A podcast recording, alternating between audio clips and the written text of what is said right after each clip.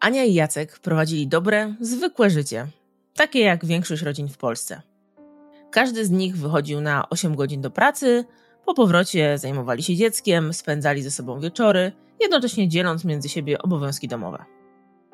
Po wybuchu pandemii wszyscy zostali zamknięci w domu. W domu, w którym musieli spędzać ze sobą 24 godziny na dobę. Co się okazało? Na wierzch wyszły zupełnie inne wartości, które każdemu z nich przyświecają, inne wzorce spędzania wolnego czasu wyniesione z domu, no i jak się okazuje, różne pomysły na wychowywanie dziecka. Jacek odkrył także, że fajnie jest być ojcem, fajnie jest spędzać czas ze swoim dzieckiem, więc poświęcał mu coraz więcej uwagi, coraz bardziej budując z nim dobrą relację. Jeśli myślisz, że to jest historia z pozytywnym zakończeniem, to niestety muszę cię rozczarować. To wszystko sprawiło, że w bardzo krótkim czasie rodzina totalnie oddaliła się od siebie, a Jacek ostatecznie stwierdził, że przy tak fajnej relacji z dzieckiem, że ona nie jest mu już do niczego potrzebna.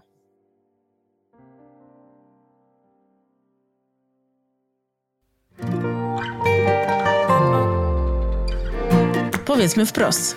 Każdy miewa trudne momenty. Co robić, żeby sobie z nimi poradzić?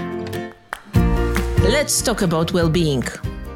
To podcast Capgemini Polska, a ja się nazywam Katarzyna Smuda.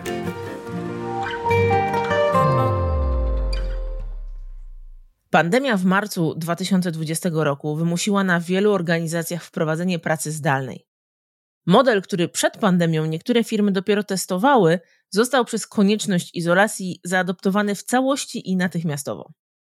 Przez pierwszych kilka miesięcy pandemii zostaliśmy odcięci od życia społecznego, od relacji zawodowych, no i też pozazawodowych. W kolejnych miesiącach obostrzenia były coraz mniejsze. Mogliśmy już chodzić do kina czy restauracji, finalnie zniknęły nawet maseczki. Teraz można powiedzieć, że życie wróciło do normy. De facto możemy korzystać ze wszystkiego w takim samym zakresie jak przed pandemią. Ale czy na pewno wszystko jest takie samo? W ostatnim odcinku pierwszego sezonu podcastu razem z naszą ekspertką Ewą Kosowską-Korniak, mediatorką i trenerką kompetencji psychospołecznych, przyjrzymy się obszarowi relacji w życiu prywatnym i zawodowym w postpandemicznym świecie. Pamiętam, jak po ogłoszeniu decyzji o wprowadzeniu pierwszego lockdownu w marcu 2020 wszyscy byliśmy w szoku. Trudno nam się było w tym wszystkim odnaleźć. Brakowało nam tego wyjścia do ludzi, tej normalnej pracy w normalnym biurze.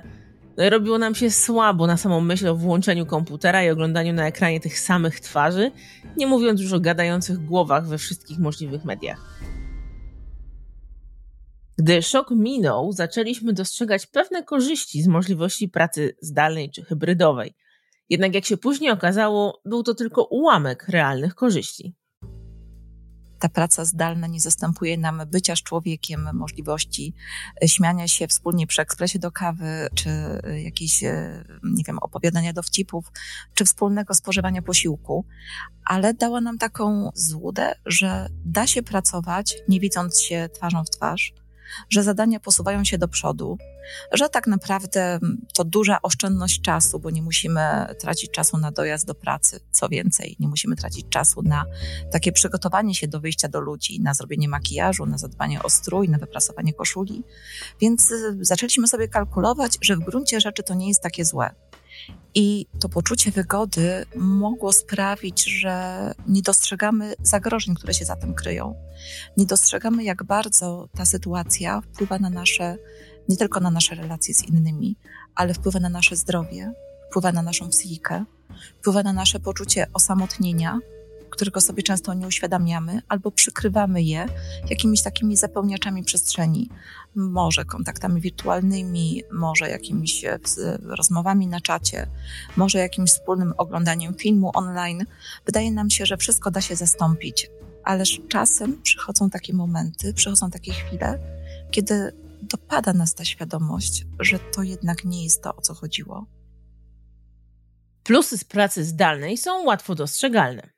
Oprócz tych wymienionych przez Ewę, tak naprawdę wszystko stało się dużo bardziej dostępne. Na przykład możemy nagrywać ten podcast, będąc w kilku różnych miejscach i nie stanowi to żadnego problemu. Minusy są jednak dużo mniej dostrzegalne tak zwanym gołym okiem. Poczucie osamotnienia czy wyalienowania to są bardzo głębokie uczucia, nad którymi nie zastanawiamy się codziennie, kiedy pędzimy jak chomik w kołowrotku. Bo my mamy taką tendencję, my jako ludzie, żeby nie dopuszczać tych uczuć do siebie ojej, tam może mi troszeczkę brakuje, może za czymś tęsknię, no ale z drugiej strony mam wygodę, jestem w domu, mam y, tutaj y, wszystko, czego potrzebuję, zwierzęta są zaopiekowane, cieszą się, że pani, pan w domu, więc da się to robić zdalnie.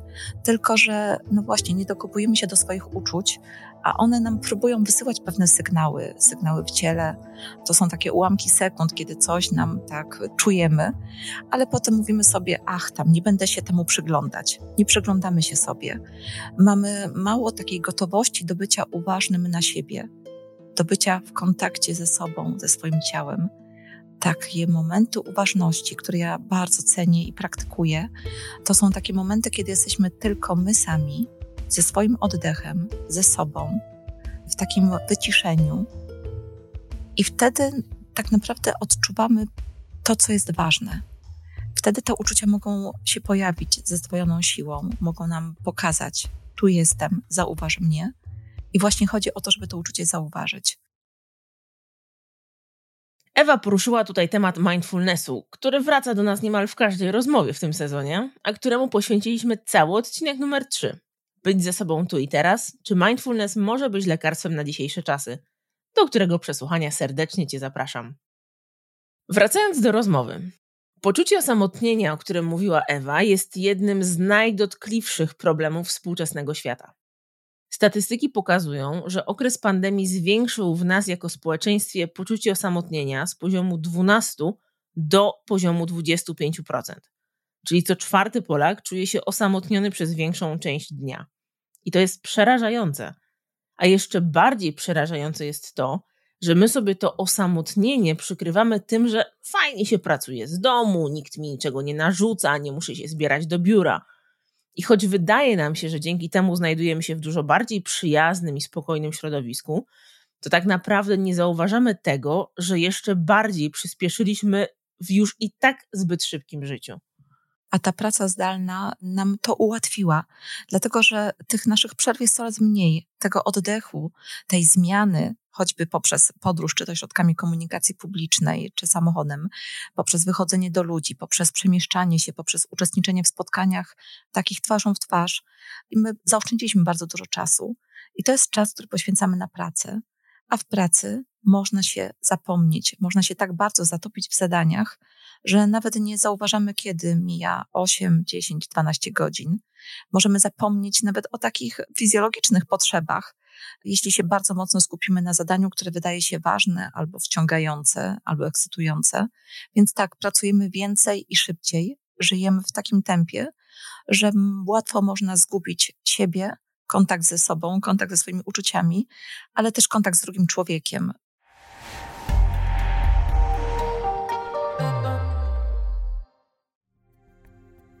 Każdą środę, kiedy skończę pracę i załatwię takie najważniejsze sprawy, około 18-19 spędzam minimum godzinę sama.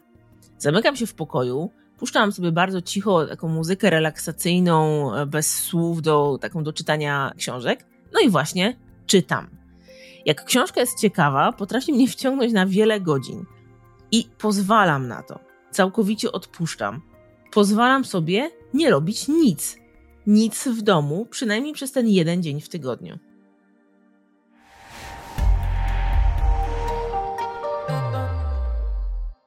Pamiętacie Anię i Jacka z początku tego odcinka? To oczywiście fikcyjne postaci, ale historia oparta jest o rzeczywiste wydarzenia, które miały miejsce w wielu polskich rodzinach po wprowadzeniu pandemicznej izolacji. Przyczynami takiego problemu były m.in. brak otwartej rozmowy, problemy we wzajemnej komunikacji, brak zrozumienia siebie nawzajem, czy brak zaspokajania swoich podstawowych potrzeb. Ale żeby nie pokazywać tylko tej złej strony medalu, w niektórych domach izolacja wpłynęła pozytywnie na relacje, choć to nie był spacerek po parku. Mam takie odczucie, że niektóre pary, które do mnie przychodzą, po pandemii wzmocniły swoje więzi, ale zawsze było to poprzedzone pewnym krótkotrwałym kryzysem. Czyli pandemia spowodowała jednak pewien kryzys, bo to była tak nowa sytuacja, tak trudno się było odnaleźć w tej sytuacji, że jak to w kryzysie, to jest taka sytuacja, kiedy normalne metody nie działają. Wszystko, co znamy do tej pory, co nam służyło, co nam pomagało, przestaje działać. Więc wtedy był taki moment zagubienia, ale też właśnie ten czas spędzony z rodziną no, pokazał też wartości, pokazał siłę uczucia, pokazał, że potrzebujemy tej bliskości, albo że w tej przestrzeni po prostu czujemy się dobrze z tą drugą osobą, więc było co naprawiać. Więc tak, znam pary, które wyszły wzmocnione z tego okresu, ale jeżeli już przychodzą do mediatora, to zawsze tam gdzieś była jakaś rysa. Zamykając temat życia rodzinnego, a przechodząc do relacji w sferze zawodowej, w odcinku o wypaleniu zawodowym wspominałam o takim badaniu, według którego ponad 70% pracowników dużych organizacji uważa relacje w pracy za najbardziej budujący czynnik ich zaangażowania w pracy. To oczywiste, że budujemy relacje, gdy pracujemy fizycznie w biurze. Widzimy się na żywo z koleżankami, kolegami, mamy czas i miejsce na kawę i luźne pogaduchy. Ale próba budowania takich samych relacji w pracy zdalnej, czyli najczęściej sprzed swojego biurka w domu, to bardziej budowanie relacji ze swoim komputerem niż rzeczywistą osobą. Relacje w pracy to jest tak ważne, że aż trudno sobie wyobrazić, że my dzisiaj budujemy te relacje drogą online'ową, że nam się wydaje, że to się da zastąpić. Ja powiem tutaj, odnosząc się również do badań, takie najdłużej trwające badania nad szczęściem, prowadzone przez Uniwersytet Harvarda, pokazały, że to budowanie relacji z innymi ludźmi daje nam poczucie szczęścia. Nie świadomość zasobów, które mamy, nie jakieś takie starania o zdrowie, nie jakieś inne rzeczy, chociaż one są też ważne, tylko po prostu relacje z innymi. I praca to jest minimum 8 godzin naszego życia, czyli minimum 1 trzecia, ale zdrowy człowiek, normalnie funkcjonujący, powinien spać 8 godzin, 8 godzin odpoczywać, 8 godzin pracować, więc tak naprawdę połowa naszej aktywności dziennej to jest czas spędzany w pracy. Więc te relacje muszą być ważne, są ważne i nie udawajmy, że nie są ważne, bo możemy pod pozorem właśnie odkrycia, powiem w cudzysłowie, cudowności pracy zdalnej i efektywności naszej pracy z laptopem, mieć takie złudne wrażenie, że te relacje nie są potrzebne, że może tam czasem zatęsknię, ale za to proszę bardzo, jak ja zadania wypełniam, jakim jestem pracownikiem. No okej. Okay. Ale co nam dają dobre relacje w pracy i co tak naprawdę oznacza dobra relacja? One przede wszystkim nas budują na takim poziomie społecznym, czyli poprzez wymianę myśli, wymianę uczuć, mówienie o swoich uczuciach, mówienie o tym, co jest dla nas ważne, co się dzieje tak naprawdę z dnia na dzień. Poprzez takie wzajemne dawanie sobie pozytywnych emocji, my mamy poczucie zaangażowania, mamy poczucie wspólnego celu, mamy poczucie wspólnych wartości, nawet to, że potrafimy się wspólnie śmiać w pracy, w tych przerwach, w tych rozmowach przy ekspresie do kawy, to nam buduje to poczucie szczęścia i dobrostanu, to nam buduje tą świadomość, że jesteśmy drużyną, że jesteśmy zespołem, że idziemy w tym samym kierunku. To nam pokazuje również nasze wartości. Nie da się uciec od swoich wartości. Jeżeli przyjrzymy się sobie i odpowiemy sobie na pytanie, co jest dla mnie ważne, co jest dla mnie bardzo ważne, co jest dla mnie najważniejsze, to na 100% w odpowiedzi przyjrzymy się swoim wartościom. Być może dla mnie wartością jest wolność osobista, być może moją wartością jest współpraca, być może tolerancja, być może praca jako praca, być może miłość, być może relacje, być może otwartość na drugiego człowieka. W zależności od tego, co sobie odpowiemy na pytanie, co jest dla mnie najważniejsze w życiu, mamy odpowiedź na kolejne pytanie, czy moja praca w takim charakterze, w jakim pracuję dzisiaj, czy w takim wymiarze czasu, w jakim pracuję dzisiaj, czy w takiej formie, czy to zdalnej, czy hybrydowej, czy stacjonarnej, w jakiej pracuję dzisiaj, czy moja praca daje mi poczucie sensu. Od poczucia sensu wykonywanej pracy zależy nasze zaangażowanie w pracy, nasza zdolność do radzenia sobie z wyzwaniami, a także umiejętność radzenia sobie z sytuacjami stresowymi. Badania dowodzą, że stres działa motywująco i pobudzająco tylko wtedy, gdy jesteśmy z innymi ludźmi. Wtedy, kiedy wykonujemy zadania, które służą komuś i kiedy czujemy, że nie jesteśmy odosobnioną jednostką, ale nasza praca służy czemuś większemu. tak, bycie z ludźmi i działanie dla dobra ludzi pomaga nam także w takim uwierzeniu w cel swojej pracy, w przekierowaniu trochę swojej roli. To jest bardzo pomocne. Proszę Państwa, jeżeli ktoś z Państwa, ktoś z naszych słuchaczy macie takie poczucie, że kurczę, tak wykonuję te zadania, ale tak naprawdę nie wiem, czemu to służy. Wiem, że mam tutaj pewien zakres zadań, mam pewne cele, które są mi stawiane i trochę tak funkcjonuje, jakbym wypełniał jakąś tabelkę, punkt po punkcie. To tak naprawdę to poczucie sensu możemy łatwo zgubić. Ale jeśli sobie przekierujemy swój sposób myślenia o pracy, przeformujemy go sami dla siebie, jeśli dostrzeżemy ludzi, którzy czerpią korzyść z naszej pracy, jeśli zobaczymy klientów, którzy się będą cieszyć z tego, że otrzymają taki i taki produkt, jeśli zobaczymy emocje tych ludzi, jeśli zobaczymy, jak, w jaki sposób my swoją pracą tak naprawdę zmieniamy otoczenie, zmieniamy ludzi, zmieniamy świat, to wtedy każda trudna sytuacja przekuje się na coś takiego naprawdę bardzo pozytywnego i wzmacniającego. Nasza praca będzie miała sens, ludzie wokół nas będą tymi, którzy nam pomagają ten sens realizować, osiągnąć. To jest bardzo pomocne, to zaangażowanie. W kontekście bycia z ludźmi i dbania o relacje interesuje mnie jeszcze jedna rzecz. Nieco stereotypowo mówi się, że ekstrawertycy kochają bycie z ludźmi, a introwertycy nie do końca. I tak dla przykładu, znów stereotypowo, taki przeciętny pracownik IT, analityczna głowa, chłodny emocjonalnie i taki zdystansowany, mówi, że jemu się świetnie pracuje w domu. Jest zamknięty, nie potrzebuje nikogo do pracy, nie musi z nikim rozmawiać, bo dla niego to jest konieczność, a nie przyjemność. W mojej głowie rodzi się więc pytanie, czy te całe relacje, ich budowanie w pracy jest rzeczywiście dobre dla każdego? Według najnowszych badań 80% społeczeństwa to są ambiwertycy, czyli osoby, które łączą cechy introwertyka i ekstrawertyka. Ja mogę powiedzieć sama o sobie, że też się taką osobą czuję. Jestem postrzegana jako osoba ekstrawertyczna, ale tak naprawdę lubię te momenty wyciszenia, momenty bycia sama ze sobą, z książką, z komputerem. Uwielbiam pracować wtedy, kiedy nikt mi nie przeszkadza i mogę się oddać tej pracy, ale to nie znaczy, że ja nie potrzebuję ludzi, rozmowy, wyjścia do człowieka. Każda forma etykietowania drugiego człowieka, a to nam robią stereotypy, powoduje, że my nie dostrzegamy człowieka z jego pragnieniami, potrzebami, myślami, uczuciami, marzeniami, pasjami. Przecież o to chodzi, że my w życiu nie jesteśmy tylko informatykiem albo nie jesteśmy tylko, wiesz, nauczycielem. My pełnimy bardzo wiele różnych ról. My mamy swoje drugie życie, e, świat wewnętrzny bardzo bogaty, mamy swoje pasje, mamy swoje przyjemności takie codzienne. Nie zamykajmy się na to, żeby o nich mówić, żeby je spełniać, żeby dać innym osobom też przestrzeń do towarzyszenia nam w nich.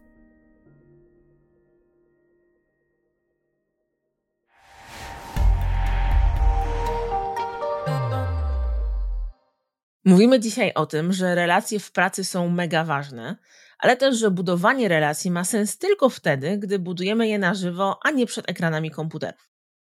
Niemal trzy lata po wybuchu pandemii coraz więcej firm zaczyna zachęcać swoich pracowników do powrotu do biur. Nie jest tajemnicą, że odzewem na takie zaproszenia bardzo często jest tak silny opór, że nawet nie ma przestrzeni do tego, aby wejść w jakąkolwiek merytoryczną dyskusję. I szczerze mówiąc, jestem w stanie to zrozumieć, bo gdy sama myślę o pracy biurowej sprzed pandemii, to oczami wyobraźni widzę bycie w biurze 5 dni w tygodniu od 8 do 16, raczej z zegarkiem w ręku i według sztywnych biurowych rygorów. Prawda jest taka, że zupełnie nie o to chodzi. Chcielibyśmy, żeby pracownicy zaczęli przychodzić do biura na przykład dwa dni w tygodniu, a nie pięć. I nie po to, żeby siedzieli przy biurku przy komputerze 8 godzin, ale po to, aby odbudowywać te spłycone przez pracę zdalną relacje.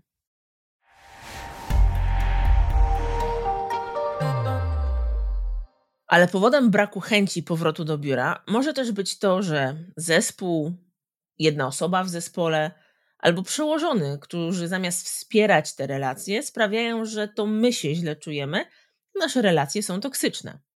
Jeśli w zespole pojawi się napięcie, to jest to pierwszy sygnał że trzeba coś zrobić, że warto coś zrobić. To jest taki pierwszy detektor konfliktu. Więc ten sygnał, o którym mówisz, takiego oporu przed powrotem do pracy, do wspólnej przestrzeni biurowej e, jakiejś grupy ludzi, może być dla przełożonego no, takim sygnałem, że być może warto zorganizować jakieś spotkanie integracyjne, być może warto zrobić jakieś warsztaty, jakiś wyjazd, gdzieś pobyć w innej przestrzeni i spróbować się na nowo zrozumieć. W tym zrozumieniu chodzi o to, żeby umieć mówić o swoich emocjach i o swoich potrzebach, umieć słuchać drugiego człowieka, czyli poznać jego potrzeby, jego emocje. Co więcej, by umieć wyrazić swoją własną perspektywę spojrzenia na pewną sytuację, na przykład na nasze relacje w biurze, na nasz codzienny model współpracy, jaki był te dwa lata temu, ale by też umieć zrozumieć punkt widzenia drugiej osoby, czyli jej perspektywę. Jeżeli my damy sobie taką przestrzeń do właśnie mówienia o tych emocjach, do rozumienia perspektywy drugiej strony, czyli rozumienia tego, że drugi człowiek ma inaczej, uwierzymy we wspólny cel, we wspólne wartości i będziemy chcieli dla dobra tych wartości współpracować, to to wszystko da się zrobić. Czasem jednak zdarza się taka sytuacja, gdy dwie osoby mają konflikt relacji.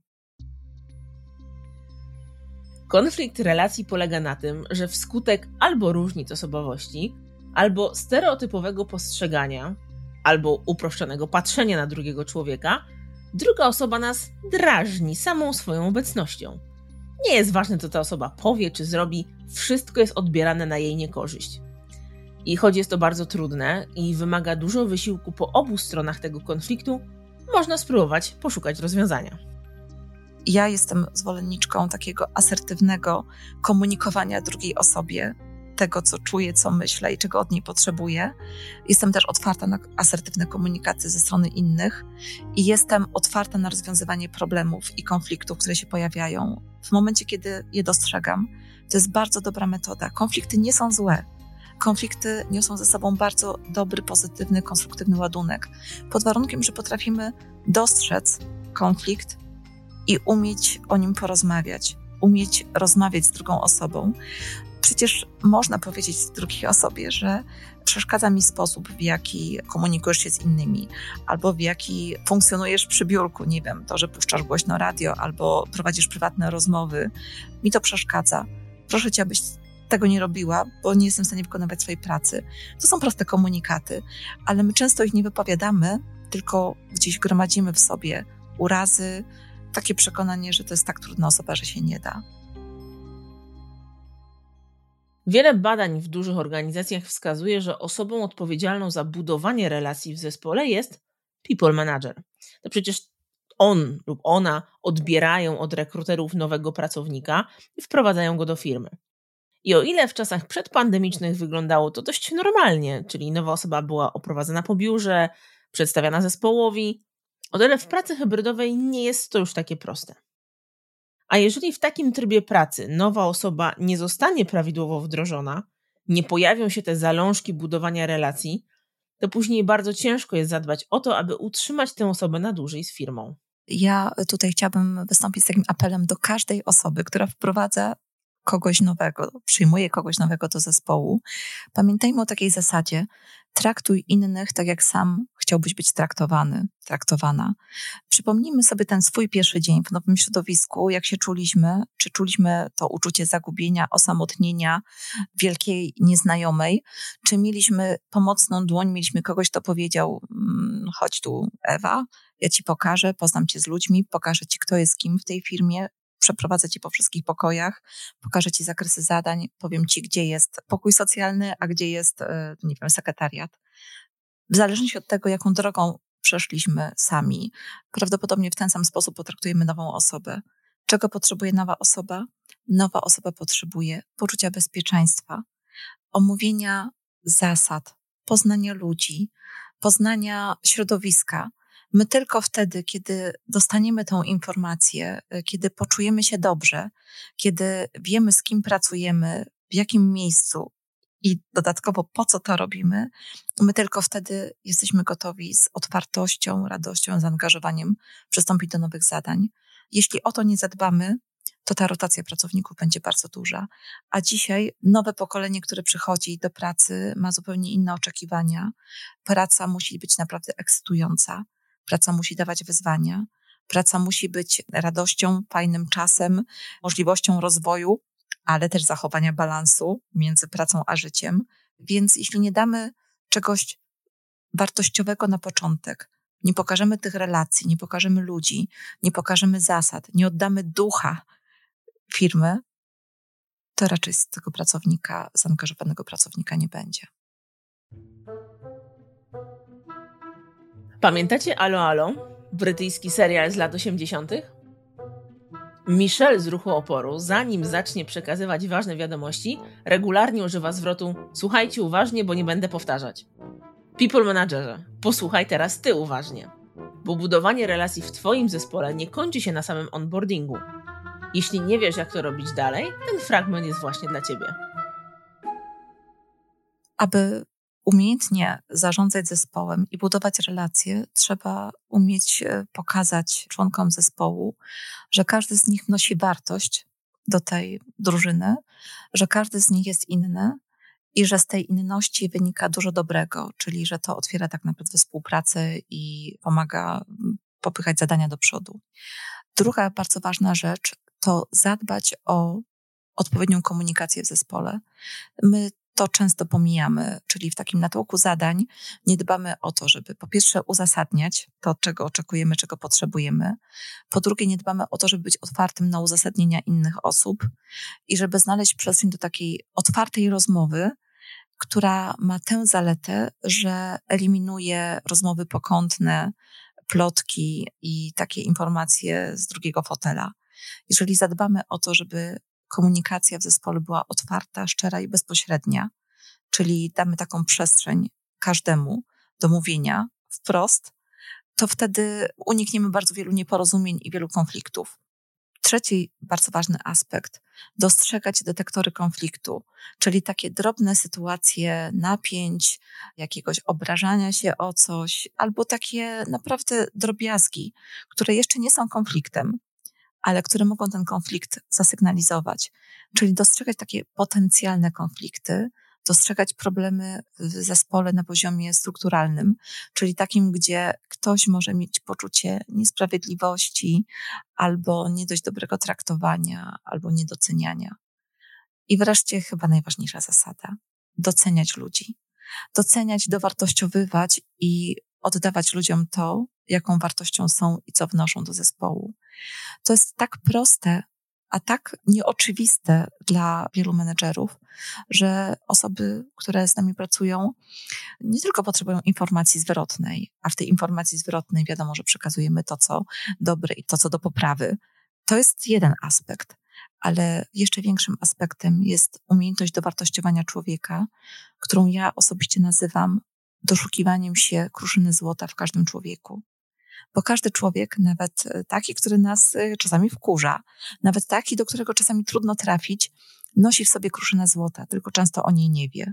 Jeżeli my potrafimy w jego zachowaniu, w jego staraniach, e, w jakimś obszarze jego pracy, czy jego takiego codziennego funkcjonowania, dostrzec tą wartość i mu ją oddać, co nie jest czystym chwaleniem, co nie jest prostym komplementem, co jest po prostu dostrzeżeniem wartości, starań i tego, co wnosisz do zespołu. Jeżeli potrafimy mu to dać, to ten człowiek zrobi wszystko, żeby w tym zespole dać siebie jeszcze więcej i angażować się jeszcze bardziej.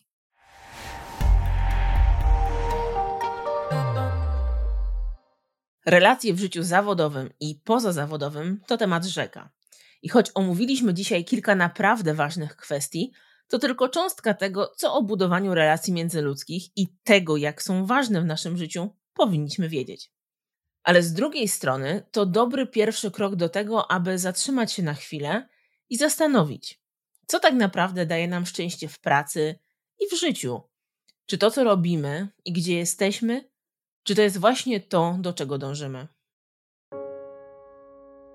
Ja zawsze zachęcam do tego, żeby tak naprawdę każdego dnia przyglądać się sobie, odpowiadać sobie na pytanie, kim jestem, dokąd zmierzam, czy realizuję swoje cele, jaką rolę pełnię w życiu, jaka rola jest dla mnie najważniejsza jakie mam potrzeby, jakie mam zasoby, ale przede wszystkim to pytanie, kim jestem i dokąd zmierzam.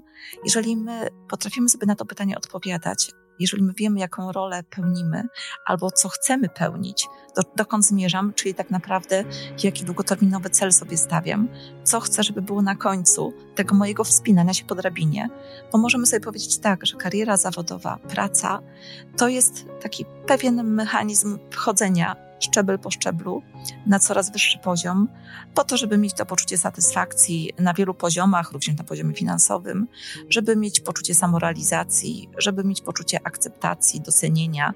To jest ważne, ale bardzo ważne jest to, przy jakim murze stoi ta drabina, pod jakim oknem, czy my wspinając się po niej pójdziemy tam, gdzie chcemy dojść.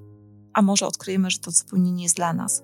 Dlatego to pytanie o rolę naszą o cele, bo zadania tak naprawdę są nam trochę narzucane. My dostajemy pewien zakres zadań i my je wypełniamy, ale ten cel, ta wartość wyższa, to poczucie sensu, które się za tym kryje, te wartości, to jest coś, co nadaje nam właściwy kierunek i sprawia, że ta droga jest przyjemnością, radością, daje nam dobrostan.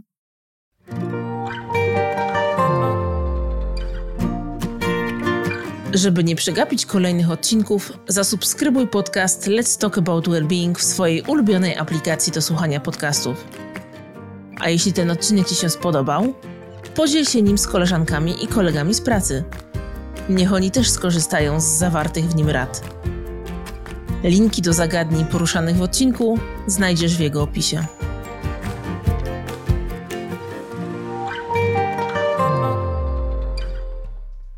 Żeby tradycji stało się zadość, w ostatnim odcinku pierwszego sezonu również mamy dla Was polecajki.